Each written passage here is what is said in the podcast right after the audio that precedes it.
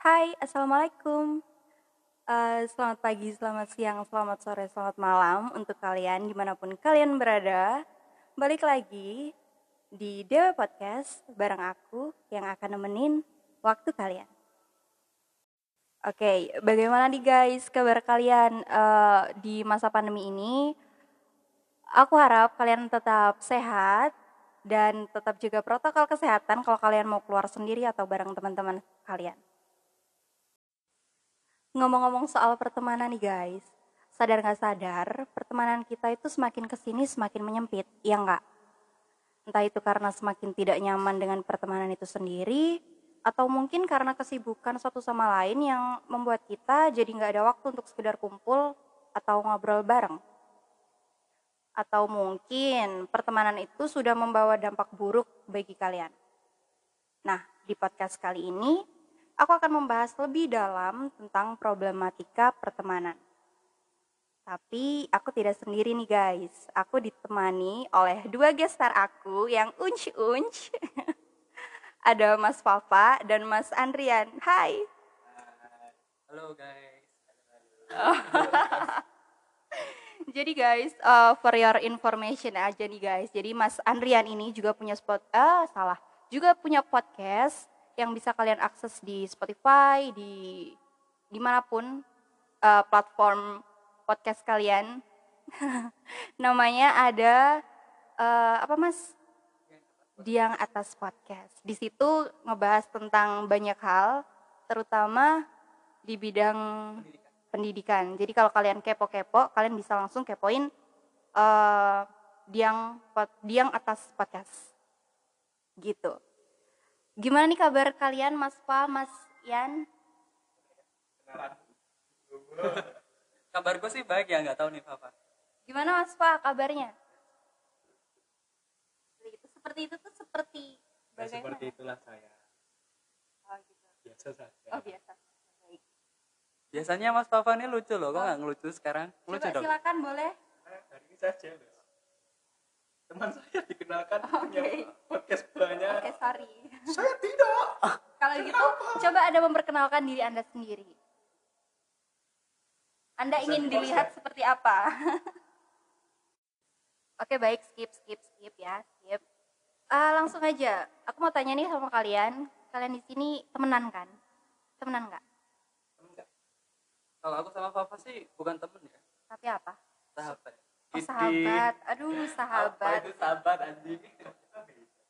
Kamu, kamu, Mas Papa tadi bilangnya apa?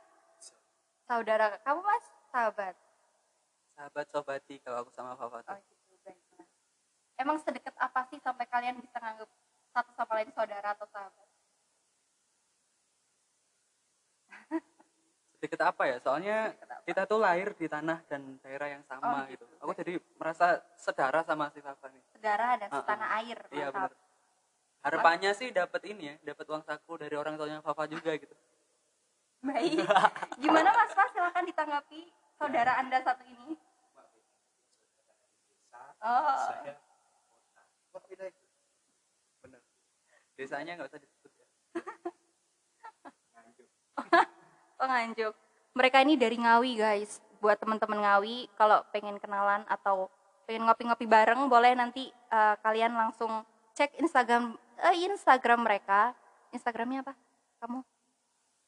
Jangan deh nanti. Oh jangan. Oke baik. Nanti yang kepo Mau promo, Papa mau promo nggak? mau promo Instagramnya boleh. Instagram saya adalah Dr. Lukas Martinez.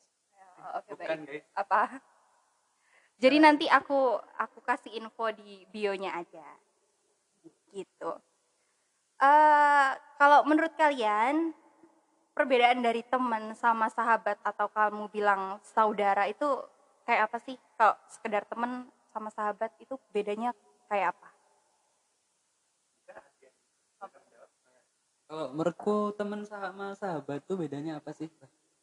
Sebenarnya sih disclaimer dulu, aku sama Papa tuh bukan sahabat ya. Kita tuh cuma teman biasa lah. Eh, Mas Papa sabar ya. Kalau Papa nganggap aku saudara ya ya udah. Oh. Nah, kalau menurutku temen itu apa ya?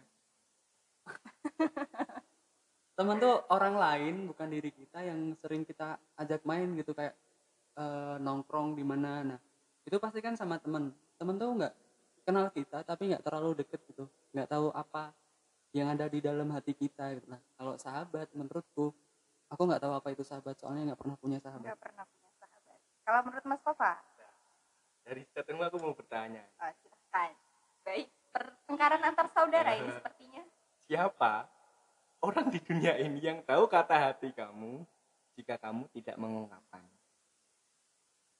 Nah, di situ tadi, Mas. Jadi temen tuh gimana ya? Orang yang belum belum tentu bisa kita percaya gitu loh.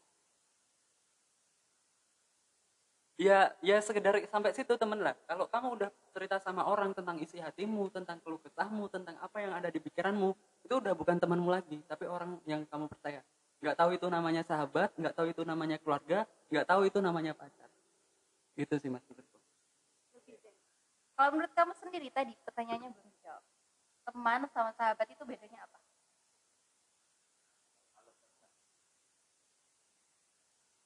Kalau temen itu menurutku ya hampir sama. Main ke mana-mana, temen ngopi. Kalau sahabat itu intensitasnya yang lebih tinggi. Kayak kalau temen itu ceritanya ya perihal-perihal umum kayak kalau temen kampus misal temen kampus ceritanya ya mungkin perihal kampus, mata pelajaran, eh, dan lain-lain. Kalau sahabat kalau menurutku sahabat itu adalah teman yang mungkin sefrekuensi sama saya. Eh, misal nih misal. Misal nih, ah, saya kan orangnya suka ngebully. Jadi temen lu suka ngebully juga sahabat lu gitu ya? Iya. sama-sama Si anjing memang. sama-sama ngebully. Jadi aku ngebully dia dia ngebully aku dan Oh gitu. tidak tidak marah. iya tidak marah. kalau marah itu baru namanya temen kalau nggak marah namanya sahabat kita tahu sahabat itu kamu itu sebenarnya guyon bukan eh, bukan Serius, gitu ya? serius Makanya intensitasnya yang berbeda Oke, jadi dari uh, dari situ kita bisa tahu kalau menurut kalian-kalian ini bedanya teman sama sahabat itu adalah ketika uh, kalian melakukan suatu hal. Kalau dari Mas Papa itu kalian udah nggak canggung lagi kalau sama sahabat, beda sama teman. Begitu Mas Papa? ya Iya. Itu Mas Andrian juga setuju ya kalau itu. Nah, tadi Mas Andrian bilang Mas Andrian nggak punya sahabat, nggak punya yang namanya sahabat. Ya, Gak tau sih aku rasanya nggak punya aja gitu. kalau Mas Papa punya nggak? kalau sahabat Jangan bilang Mas Andrian yang dianggap sahabat. enggak, masih dalam tahap Oh, mau ke masih. sahabat Oh, mau. Mau nggak Mas Enggak sih, tapi aku aku tuh Mas nggak suka bully orangnya. Aku tuh Oh. baik. Oke. Aku tuh baik, guys. iya wes baik. Ya apa ya?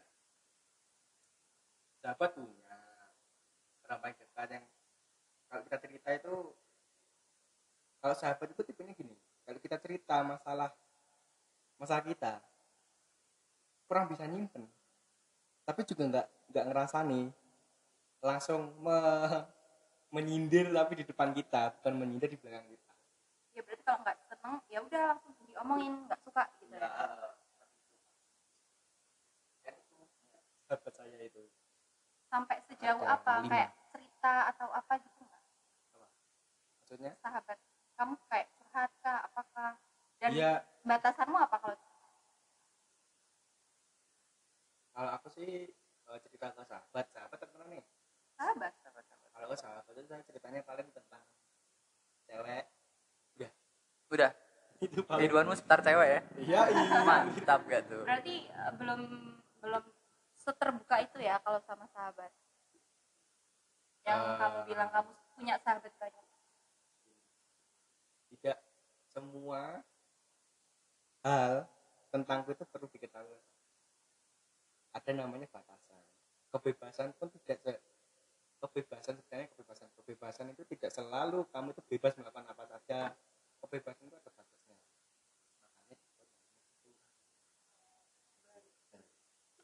Makasih Su.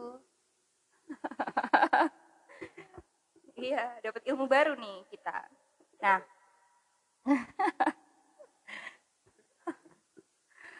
Ada tambahan lagi dari Mas Andrian? Tahu apa itu sahabat jadi itu sih.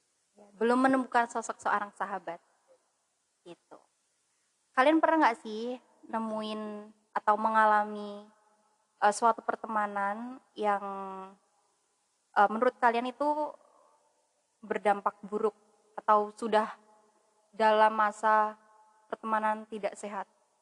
Bisa dikatakan pertemanan yang tidak sehat. Pernah menjumpai atau mengalami? Kayak kalau orang zaman sekarang sih nyebutnya toxic uh, friendship. Oke, bahasanya keren nih. Kalau toxic friendship, mungkin ini sepengetahuan dan sependapatku aja ya. Mungkin kayak aku tuh ngerokok tuh gara-gara teman-temanku sebenarnya. Dari SD dikenalin apa yang namanya itu rokok ya. Meskipun sebelum SD juga sering sih kayak kita kan anak kecil kan penasaran ya sebelum SD umur 5 sampai berapa ya 5 sampai 8 tahunan lah namanya anak kecil kan pasti penasaran itu kok keren sih Eh, apa ada asap-asap gitu keluar dari mulut ya aku apa ya kalau bahasa Jawa nih aku ngutis jadi eh, jadi siap. ngambil ngambil sisa rokok punya orang terus oh tak terus dicoba-cobain. Ah, tak coba-cobain di rumah. Nah, pas sampai di SD kelas 5 kalau nggak salah ada temanku nih kaya nih anaknya nih, orang kaya. Beli dong orang ya. tuanya orang kaya. Ah, beli dong bukan lu anjing. Bukan anda. Beli dia Surya waktu itu Surya 12 terus pamitnya ke ini pamitnya ke kali. Tau lah eh, SD di desa tuh akses ke kali tuh gampang banget gitu kayak apa ya? Kali itu Kayak- apa aliran gitu ya? aliran air gitu ya. Kalau di kota got mungkin ya mas ya. kalau di kalau di SD di desa tuh sering banget pasti kita bisa SD eh, main. main gitu nemu akses ke kali tuh sering banget. Jadi alasannya ke kali tuh ngapain? Bu- buang air besar bu ke kali gitu. Nah, taunya? taunya yang ngerokok si kalian si ini nih si bangke ini ngajarin ngajarin anak-anak si rokok bangke dir bangke yuk rokok yuk rokok yuk rokok. Ya rokok. Abis itu sampai lah sampai ke SMP masih ngerokok udah SMA berhenti. Karena menurutku eh, teman-temanku ini aku agak agak agak nggak bisa terbuka nih. Mereka nggak ngerokok soalnya nggak pernah nyentuh yang namanya rokok. Tapi kalau di luar aku nggak tahu. Tapi kalau di sekolah mereka nggak pernah yang namanya ngajakin yuk ngerokok yuk gitu. Kalau yang di SMP kan masih ke bawah nih teman-temanku yang dari SD jadi mau ngerokok tuh masih enak aja ayo ngerokok ayo ngerokok. Jadi udah tahu gitu loh mereka. Nah kalau di SMA aku udah berhenti nggak ada nggak ada teman-teman yang ngerokok lagi. Masuklah ke kuliah. Masuk di kuliah aku ngerokok lagi tuh setelah ik- setelah KKN ya. KKN tuh nggak semua nggak semua temen cowokku ngerokok tapi beberapa lah yang ngerokok. Akhirnya di situ aku ngerokok lagi gara-gara teman lingkungan sih paling berpengaruh mungkin kalau nggak ada teman-teman yang ngerokok aku nggak bakal ngerokok juga. Tapi ya itu sih yang kalau yang aku alamin sendiri. Tapi kalau pengalaman teman-teman yang lain ada juga. Mungkin nanti aja ceritanya. Ke papa dulu kali Oke ya. papa. Boleh mas papa silakan. Kalau tadi yang disebutin toxic relationship itu apa tadi? Eh to- toxic friendship itu yang gimana? Yang ngertiin. yang bisa membawa pengaruh buruk uh, ke diri kalian kalau aku sih lebih tepatnya kalau Andian tadi kan temennya di- eh, Andiannya yang mengikuti arus temannya. Benar. Ya benar kan? Ya. Kalau aku. Kamu harusnya nih enggak. Oh enggak. Wah Aku- pengaruh buruknya ya ini ya? Enggak. Oh enggak. Kali itu banyak. Yang bukan yang itu tapi. Terus terus. Gini, kan pas saya SMP kebetulan SMP saya kan di Malang. Pas SMP itu ada teman saya itu yang menderita klepto apa tuh mas? Klepto mas? Klepto itu adalah sebenarnya dia itu mampu untuk membeli Heeh. tapi karena dia klepto klepto itu adalah pokoknya diambil punya orang itu diambil. Hampir seperti mencuri cuma kalau mencuri kadang kan kalau mencuri itu karena kebutuhan. Karena kebutuhan ya dia. kalau klepto itu karena kebiasaan. Oh gitu. Artinya dia mampu itu klepto kalau menurut saya. Nah saat itu teman saya itu udah apa ada tanda-tandanya. Teman-teman satu angkatan itu tahu pas tahu itu kan nggak ada yang nemenin. Dia kan teman kelasku. Mau nggak mau tak temenin karena saya kasihan kan. Saya temenin. Terus pas itu teman kamar saya itu ada yang kebetulan jualan jersey. Dan pada saat SMP harga jersey-nya itu kan sudah 100 ribuan lebih. Saya kan masih SMP masih merasa 100 ribu itu uang yang sangat banyak saya pun bertanya pada temanku pas satu kamar itu Eh, eh harga bajunya itu berapa? 120 oh alah. Setelah itu saya nggak beli kan cuma tanya. Temanku itu menjemur men, eh, kebetulan menjemur bajunya yang saya tanyakan itu di jemuran belakang kamar. Hmm. Eh, siang hari itu kan. Lalu pas malam hari mau diangkat bajunya hilang. Kok dan yang hilang itu bajunya tepat baju yang lu tanyain. ya aku tanyakan. Mau nggak mau ya dia menuduh saya. Karena itu loh saya kan nggak salah. Saya diam aja. Dan saya masih berteman dengan orang itu. Saya tahu sebenarnya yang mengambil itu orang itu. Setelah dia tidak mengaku ya saya temenin ya. Karena saya kasihan terus akhirnya pada saat itu saya juga dijuluki si temannya pencuri. Wah temannya Jadi si Kleto. dapat iya saya dapat labeling. ya. ya dapat dapat labeling seperti itu lah saya mulai tidak suka sama dia. Saat ketika saya kan pas SMP itu ada buku namanya humor humor kotak BBM saya itu baca. Punya teman saya kan saya baca baca. Terus pas teman saya itu kebetulan udah tidur. Terus saya taruh di atas lemarinya kan. Nah teman saya yang klepto ini ngambil lagi. Ngambil terus bilang pak ini ya bukunya tak pilih tak pinjem. Ya kok kembalikan ya? Ya besok eh temen aku yang punya buku itu tanya ke aku pak bukunya mana? Saya jawab loh dipinjem hari iki loh loh iya.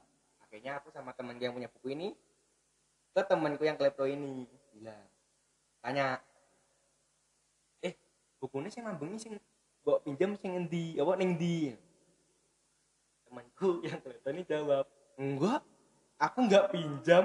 Lah saksi matanya cuma aku kan? Terus bingung habis itu wah ya teman yang punya buku ngerti dong. Dia kan si punya buku itu aslinya sahabatku juga di, Ah. Di SMP kan ngerti kalau aku tuh nggak nggak nyuri. Soalnya setelah dia bilang gitu saya suruh periksa lemari itu pokoknya yang bersangkutan sama aku tak suruh periksa. Emang nggak nemu. Nah setelah itu ya mulai saat itu saya menjauh dari si teman gitu. Karena apa? Dia itu dulu saya bela karena eh saya punya pikiran dia bisa berubah. Dia cuma klepto. Dia bisa berubah tapi setelah saya berteman saya kok yang kena dampaknya lebih buruk ya akhirnya saya menurut saya toksiknya itu seperti itu Iya. Jadi eh, dapat pengaruh eh, kayak label gitu ya. Jadi kayak dia ya dia buruk, kamu juga ikutan jadi eh, buruk di mata orang-orang seperti itu. Nah, eh, ini aku baca di IDN Times. Kalian setuju atau enggak gitu ya? Belum, Mas. Belum. Mohon maaf nih. Toxic eh, toxic friendship ini tuh tentang ciri-ciri kamu terjebak dalam toxic friendship ini. Yang pertama, kamu merasa tidak nyaman dengan lonjakan emosi yang tidak stabil. Kalau bahagia yang bahagia, kalau bahagia ya bahagia dan kalau sedih ya drama banget. Setuju nggak? Gini maksudnya kayak kalau eh, teman kamu lagi seneng tuh euforianya tuh kayak berlebihan gitu, tapi kalau eh, waktu kalian sedih tuh sedih banget. Kayak drama banget. Di sini gini loh. Itu toxic ya ini salah satunya. Kalau kamu terjebak dalam toxic friendship itu di situ kamu merasa tidak nyaman dengan lonjakan emosi yang tidak stabil. Tahu ya ini gini ya bukan dari aku ya. Gimana menurut kalian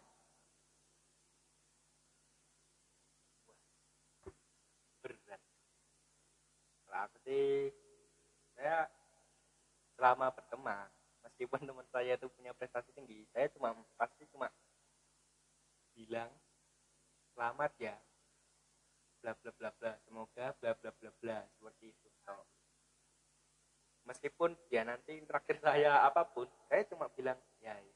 jadi Bang. tidak tidak mengharapkan sesuatu yang lebih gitu ya enggak saya punya emosi yang biasa saja tapi kalau saya sendiri yang mengalami keberhasilan ya saja dong manusiawi dong kalau saya merasa wah kok bisa menang? Kalau saya. Tapi saya nggak nggak menuntut orang lain untuk merasakan apa yang merasakan dan saya pun tidak menuntut diri saya merasakan apa yang orang lain itu tidak rasakan. Nah gitu. Jadi menurutku bener sih tadi itu apa yang dimaksud toxic itu kayak gitu bener sih kata kayak jadi yang, aku toxic Ayo. ini loh tadi kan Oh, yang pendapat bacain ah, yang ini dibacain loh. si Dani tadi Nah, ini aku kamu kan men- eh, ya setelah dibacain Dani terus kamu bikin contohnya gitu kan dan Hmm. kamu bukan orang yang kayak gitu dan menurutku aku setuju kalau it- yang kayak gitu tuh toxic relationship Toxic. Heeh, jadi kok relationship sih friendship Friendship, jadinya. Ah, iya iya. ngomongin pacar lagi Aduh, jangan sama jomblo-jomblo ini susah emang ya. Yang kedua, lanjut. Apa pun yang kalian lakukan, semuanya selalu tentang teman kamu. Tidak pernah sekalipun kamu jadi perhatian dan dipertimbangkan. Itu salah satu ciri kamu terjebak dalam toxic friendship. Setuju nggak? kalau aku sih setuju banget sih Eh, kayak kalau ada orang kayak gitu tuh nggak menghargai dirinya sendiri gitu nggak sih Kayak kita jadi bayang-bayang nggak sih? Heeh, kayak apa ya? Bayang-bayang orang lain. Gitu. kayak kamu nggak hidup sih kalau kayak gitu gimana Mas Papa Eh, kalau aku sih agree to disagree ya Gimana, Aduh. gimana, gimana? Silahkan. setuju dan enggak setuju kenapa kan kebetulan nih penelitianku itu ada teori eh, yang dikemukakan oleh Kohlberg Lawrence Kohlberg namanya teori perkembangan moral kognitif post konvensional pengertiannya itu adalah eh, orang akan melakukan akan mendahulukan kepentingan orang lain daripada kepentingan sendiri. Itu post konvensional Eh, sesuai dengan standar yang berlaku. Jadi kalau menurut saya orang itu semakin dewasa akan lebih eh, mementingkan kepentingan orang lain daripada kepentingannya diri sendiri. Jadi porsinya itu mungkin ya 70 30 70 30 70 untuk kepentingan orang lain Iya, dan 30 30. persen. Nah, itu termasuk toxic nggak sih? kalau aku enggak karena itu udah penelitian ya kan orangnya Uh, log- logik gitu ya. bisa seperti itu Ya, tapi kan kalau kita mentingin orang lain daripada diri kita kan meskipun uh, kit- buruk di kitanya itu kan juga toxic juga. Maksudnya kayak kita lebih mentingin orang lain padahal kita kayak dapat efek buruknya. Itu kan juga nggak boleh. kalau konteksnya nih kita kembali konteks ke konteks.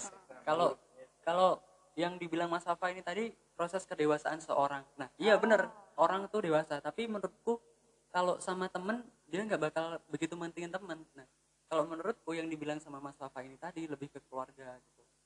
Menurutku sih menurutku. Tapi nggak tahu kan yang baca penelitiannya Mas Fafa. Ah, lah kalau kalau sama temen ya nggak nggak wajar aja gitu kalau sampai kayak gitu. Bener-bener dia yang berkorban bener-bener dia yang nggak dapat perhatian tapi temannya diagung-agungkan gitu kan. Apa ya? Eh ya dia nggak hidup buat dirinya sendiri gitu loh. Kalau tapi kalau kalau kita ngomongin keluarga mungkin masih make sense lah. Tapi kalau temen yang notabene kamu ketemu terus kenalan hai doang. Kamu berkorban ya buat apa gitu buat ya? apa sih gitu loh. Gimana Mas Pak? Tanggepin dong. agak kalau konteks itu lebih ke lingkungan kerja bukan ke keluarga. Kalau keluarga itu menurut saya itu sudah otomatis kita banggakan apa eh, kalau bisa kita banggakan soalnya ya kita makan. nah soalnya selain tetangga kalau kita tidak tetangga Mhm. siapa lagi yang bisa menolong keluarga Exactly. oke Nah. mantap Eh, tapi nih ya, tapi nih, kalau ya Ya, ya. nggak apa-apa dong ya. Tapi nih, kalau kalian, eh, kalau Mas Fafa ini kan tadi yang eh, bikin statement kan Mas Fafa ya. Mas Fafa bilang 70%, 30%, 70% berkorban untuk orang lain. Nah, semisal kamu ber, kamu berkorban untuk orang lain, eh tapi waktu kamu jatuh, waktu kamu terpuruk, orang lain nggak peduli sama kamu. Terus kamu bakalan kayak gimana? Orang lain ini maksudnya teman kan? Iya, yang kamu korbankan itu tadi. Kamu korbankan waktumu dan yang kamu bilang tadi. Ya. Kalau terpuruk sih ya, kalau mau jawaban ini kan semisal ya, diplomatis diplomatis mau jawab diplomatis ya kalau kita sedang down ya kita serahkan pada yang atas karena Anda memang sangat pasrah ya orangnya ya. ya karena kan gini terus eh, manusia manusia itu diciptakan oleh yang atas yang Maha Kuasa, yang Maha Esa. dan yang Maha Esa pun eh, pernah berkata hati manusia itu eh, bisa eh, cepat berubah seperti anda membalik semudah anda membalikan telapak tangan Telapak tangan. jadi kalau kamu berteman kamu berkorban untuk dia ya kalau bisa kamu itu jangan berharap feedback yang eh, berlebihan kalau menurut saya baik ke seseorang itu eh, sebuah keharusan iya baik. untuk berbuat baik karena apa saya percaya perbuatan baik itu akan kembali ke diri kita sendiri. Mungkin Andrian punya jawaban lain. Enggak sih kan tadi yang ditanya apa ya Oh, gitu. Oke, jadi intinya yang tadi tuh kalau dari Mas Papa, kita berkorban untuk orang lain, untuk teman kita itu it- tidak termasuk toxic relationship. Eh salah, toxic friendship. Ya maklum jomblo ya. Terus kalau Mas Andrian bilang tadi kalau kita eh, ber eh, apa namanya tuh berkorban untuk orang lain itu sudah termasuk toksik karena kita eh, jadi bayang-bayang orang lain dan kita tidak bisa jadi diri kita sendiri begitu benar? Iya. Nah, kalau menurutku nolong temen tuh ya sewajarnya, sewajarnya aja, gitu. benar kayak gitu. Itu. Eh, kita bikin apa ya Mas Papa mau mau contoh yang gimana nih? Mungkin Mas Papa yang bikin ka- contoh kasusnya aja. Oke gini gini. Wajarnya misalnya nih temen nih. Temen minta pinjem nih duit satu juta buat bayar kos. Berani? Berani nggak kasih duit satu juta? Kalau masalah upah itu berbeda.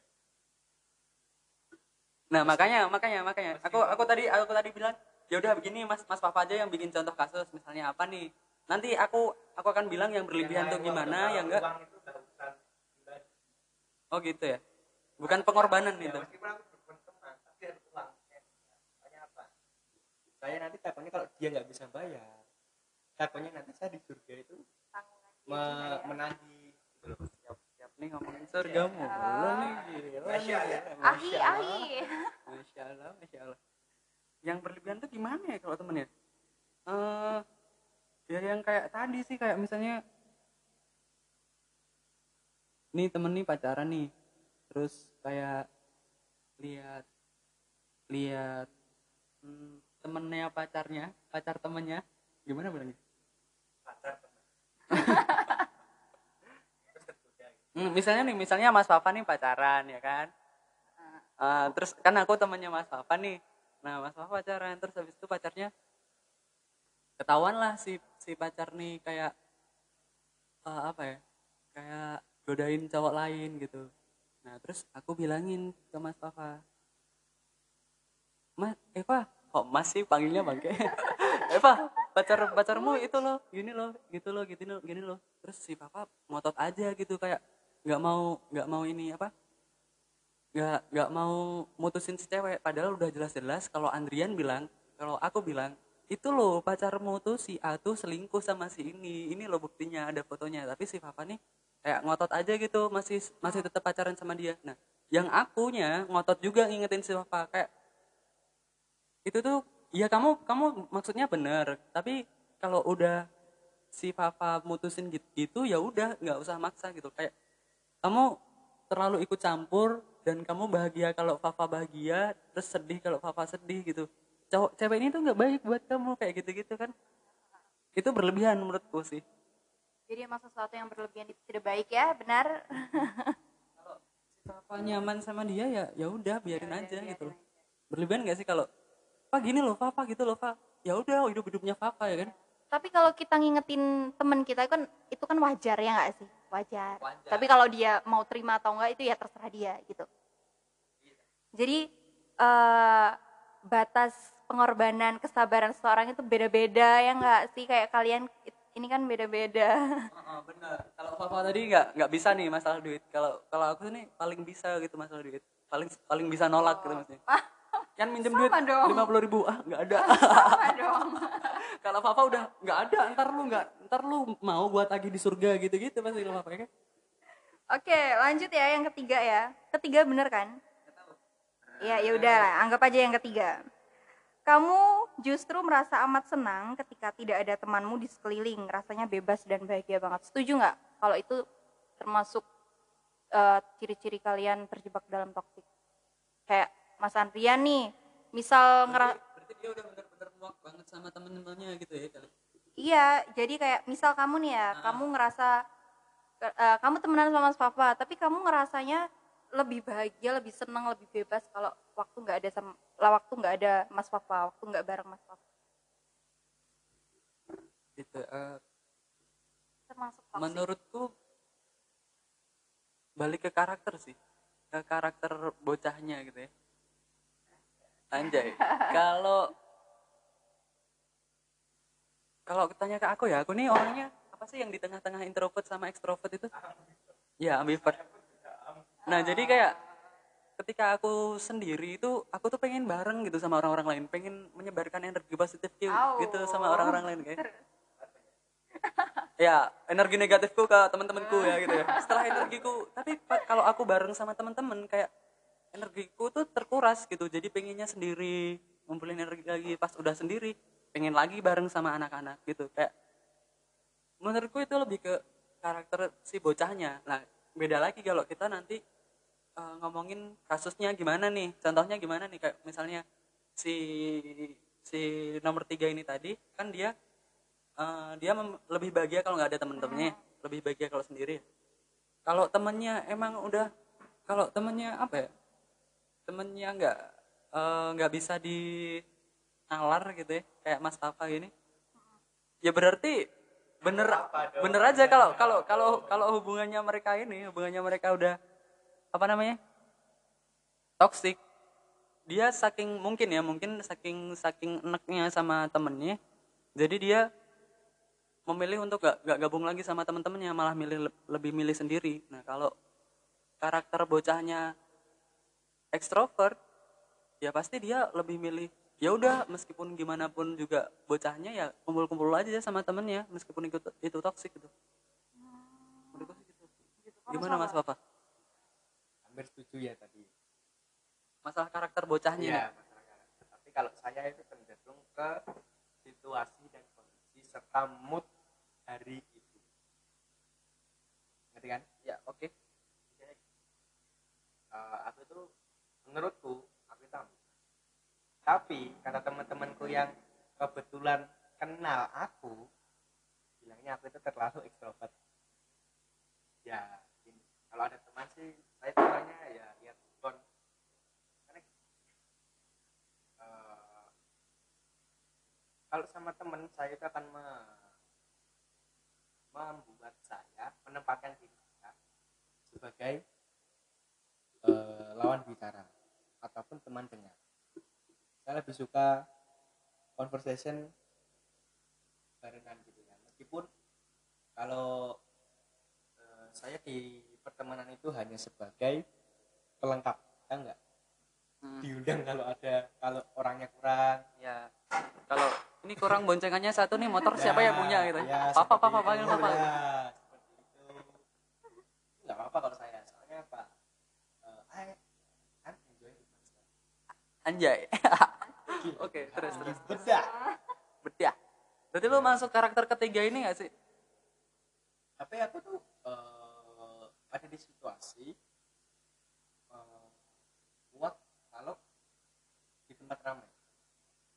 Umpamanya eh, lihat karnaval nih. Hmm. karnaval kan suaranya ya meriah-meriah gitu. Tapi ada satu suara yang mengganggu saya itu orangnya detil. Kalau semisal lemah jadi kayak ada sesuatu yang kelihatannya tidak cocok buat aku aku pasti akan bilang. Seperti itu kayak. ya satu the point. Ya seperti itu. Tapi kalau sendiri saya lebih sendiri kalau dalam beberapa hal seperti saya itu orangnya bisa sekamar dua orang sama teman tapi ada batas tertentu batas tertentu batas hari ya. Nah, teman saya nginep seminggu. Teman saya nginep seminggu itu saya paling satu dua hari tiga hari pertama itu seneng. Akhirnya punya teman yang bisa diajak ngobrol. Sampai kita nggak tahu kapan waktunya kan sampai besok atau satu hari penuh. Tapi ada di daripada kondisi yang muak banget ya males sih ketemu bosen temen gitu. nah bosen. Orangnya sama ceritanya sama dan aku tuh udah ngerti apa yang dia akan diceritakan dan dia pun sudah mengerti apa yang aku ceritakan. Akhirnya di dalam kamar eh, pas dia di rentang waktu nginep di empat atau lima hari setelah dia datang itu pasti akan diem-dieman. Entah itu main game eh, Q time dengan suara AOI akan terganggu. Itu. time. Iya iya iya. iya. jadi uh, ada yang membuat aku nggak nyaman cuma itu tergantung lihat situasi dan kondisi Oke, jadi eh, menurut kalian intinya ini muak nggak muaknya kalau muak nggak muaknya kalau kumpul sama teman-teman itu tidak termasuk toksik ya, karena kita masing-masing kan eh, punya apa ya eh me time harus punya me time masing-masing. Karakter orang beda-beda baik kayak gitu. Sebenarnya banyak di sini, tapi eh, aku rasa cukup karena beberapa poin lainnya itu mewakili sudah terwakili dari eh sudah terwakili dengan poin-poin yang sudah disebutkan tadi. Nah, aku mau tanya lagi, kalau kalian eh, mengalami, menjumpai eh, toxic friendship yang udah kita bahas dari tadi, yang me- yang membawa pengaruh buruk eh, dari kita, apa ap- hal apa yang akan kalian lakukan? Apa kalian langsung ogah temenan sama mereka atau kalian tetap temenan sama mereka tapi dibatasi atau bagaimana? Hmm, kalau aku sih saranku buat orang-orang yang kena toxic friendship eh, cintai dirimu jangan berlebihan berteman Minum mas. Yakult tiap malam. Oh tiap hari iya sih itu sih eh, dirimu kamu tuh berharga gitu loh. Jangan jangan kamu ikut-ikut sama orang. Kamu tuh harus punya tujuan sendiri. Terus intinya ya kamu kamu berharga lah. Kamu tuh kembali lagi lah kamu mikir ya kenapa diciptakan di dunia ini gitu. Tanya aja bapak ibu kau gitu ya. Pak bu aku di sini suruh ngapain sih? gitu nah jangan ngikut teman-teman kamu gitu Eh, berteman sewajarnya aja udah cintai dirimu Sewajarnya. sendiri Ha. ya itu sih aku pasti bilang gitu ke orang-orang yang eh, punya circle pertemanan toxic Kalau kamu sendiri yang merasakan, kalau kamu yang mengalami, apakah kamu langsung meninggalkan temanmu itu atau kamu tetap berteman tapi kamu membatasi atau kalau aku aku akan menghargai gimana gimana pun bentuk teman toksikku ini gitu kan kayak Teman misalnya toksik, uh-uh, baik. kayak kayak Fafa gini. Yaudah aku aku hargai oh ya dia emang temanku tapi aku nggak akan terpengaruh sama dia gitu loh. Mas secara Toxic tidak dari langsung. mana ya? Ya toxic dari mana ya? Ya enggak sih perasaan yang buruk di anda semua. Oh gitu ya? Jadi kamu terpengaruh sama aku nih? Enggak. oh enggak iya iya iya. Perasaan dari cerita cerita tadi tadi yang terpengaruh teman tuh anda bukan saya. Iya kan satu doang tadi yang masalah rokok ya kan? Yuk Mas Iya. Fafa gimana Mas Fafa tadi pertanyaannya saya lupa jawab. Kalau kamu menjumpai atau Ah, kamu kalau- mengalami uh, toxic friendship, apa yang kamu lakukan? Apakah ketemu nih kamu- ketemu sama Iya. bocah toksik nih. Uh, uh, ya kak saya sih going with the flow ya. Enggak tetap slow ya? Iya. prinsip tokai saya akan akan saya gunakan untuk saat saat itu. Iya. eh ah, enggak tokai sih. Nggak salah, salah prinsip. Ngomong. gua tadi ketawa Bisa ya apa hubungannya sama gitu ya. tokai anjing? Terus sih lebih ke saya tuh orangnya nggak gampang latah. Latah bukan yang ayam ayam ayam bukan Ah, bukan. Latahnya gimana? latah yang kayak ada tren ini ikut tren ini ada tren itu ikut tren itu. Ada teman yang melakukan gini ikut gini ada yang melakukan itu ikut gitu. Bukan followers ya bukan follower. Saya itu lebih ke leader. Enggak Bukan enggak follower. leader. Oh, gitu ya, saya oke, itu bos. Siap. Baik mas enggak kayak gini ya Pak. misal kalau ini aja kalau toxic. Kamu itu kan ada dirimu itu adalah orang yang paling mengerti dirimu sendiri. Yo apa sih contohnya Terus kayak gitulah. Ya jadi kamu tahu eh, batasan-batasan apa yang harus dan tidak ha- harus kamu ikuti. Kayak misalnya gini saya tuh orangnya lebih ke penasaran daripada latah. Kayak gimana ya contohnya ya? Kayak rokok atau pot pot gitu ya. Kalau SMP saya memang pernah ngerokok ya SMP terus SMA itu lebih saya lebih milih makan daripada ngerokok. Karena untuk menghilangkan dan kebetulan bisa. Yang kedua eh kayak gini. Saya itu ada penasaran sama yang namanya yang tidak saya tahu lah. Contohnya kayak minuman keras eh, hal-hal seperti itu narkoba ganja saya itu lebih penasaran. Tapi kalau narkoba itu saya sudah tidak penasaran karena efeknya lebih buruk yang bisa menyebabkan ketagihan. Satu hal yang bikin yang pernah saya rasakan tapi tidak bikin ketagihan adalah saya pernah minum anggur merah. Orang tua ya. Ya orang tua. Saya mencicipi satu kali dua kali dan ternyata memang saya tidak tidak doyan Tidak. doyan. Bukan nggak doyan sih jebulnya sih. Ya. Jebulnya apa dong jebulnya? Bolnya Eh, saya lebih eh, bisa membentengi diri kayak oh, oh ini, udah rasanya, ya ya. udah gitu. Ya kan cukup tahu kayak gitu ya. kayak obat bla bla bla bla. Oh. Kayak obat apa emang? Obat ABC katolik ABC ya itu lah. cuma lebih agak pahit gitu lah. Setelah penasaran tahu tahu jawabannya nih. Ya udah selesai. Saya nggak mau apa saya bukannya nggak mau ya nggak mau sih. Tapi kayak gini loh pak itu tuh sebenarnya lebih banyak lebih banyak keburukannya daripada kebaikannya kamu coba ya sekedar coba aja nggak usah dimasukkan ke lifestylemu ke kehidupanmu karena ya seperti tadi penasaran saya sudah terjawab itu kalau mas papa Ya, ya itu Pak. Ya, jadi eh, kalau tips-tips dari mereka, terus tips-tips dari mere- mereka ya gitu. Kalau dari Mas eh, Papa tadi membentengi diri, kalau mau sekedar tahu, kalau mau sekedar tahu ya boleh, tapi harus tahu batasannya. Kalau dari Mas Andrian, eh, kita ini harus mencintai diri kita sendiri. Apa pun yang kita lakukan, jangan terlalu berlebihan dengan sesuatu, apa pun itu dengan teman atau dengan apa pun, karena sesuatu yang berlebihan itu akan menghasilkan hal yang tidak baik. Bukan eh, benar begitu? Oh insya Allah. katanya sih gitu Oh katanya sih gitu. Itu menurut teori kayak gitu. Baik. nah untuk teman-teman di luar sana yang lagi dengerin kita, kalau kalian merasa eh, kalian berada dalam suatu pertemanan yang toksik atau kalian merasa eh, lebih buruk, kok lebih buruk ya istilahnya apa ya? Ya kayak kalian ngerasa kayak eh, banyak mudorotnya, banyak eh, banyak hal yang merugikan untuk kalian. Mungkin kalian bisa pikir-pikir lagi. Eh, kalian tidak harus eh, berhenti berteman, kalian bisa tetap berteman, tapi kalian harus mungkin membatasi diri kalian. Gitu nggak sih? Ya nggak? Anggap aja bener gitu ya. Ya udah kayak gitu. Jadi aku juga nggak tahu ini omongan aku bener apa enggak. Aku asal ngomong aja.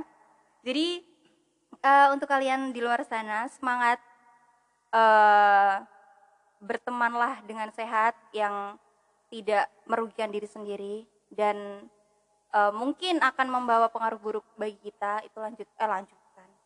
Apa namanya tuh? Ya itulah pokoknya. Kurangi. Ya kalau ada yang berpengaruh buruk sama kalian itu kurangi. Dan seenggak- seenggaknya kalau ada berteman tuh nggak apa-apa. Punya teman banyak itu bagus banget. Bagus, Nah, oke. tapi jangan jangan terpengaruh dengan pengaruh-pengaruh buruk Pengaruh dari teman-teman kamu. Boleh berteman tapi harus tahu batasannya gitu intinya itulah ya Iya, intinya. Ah, ah, baik.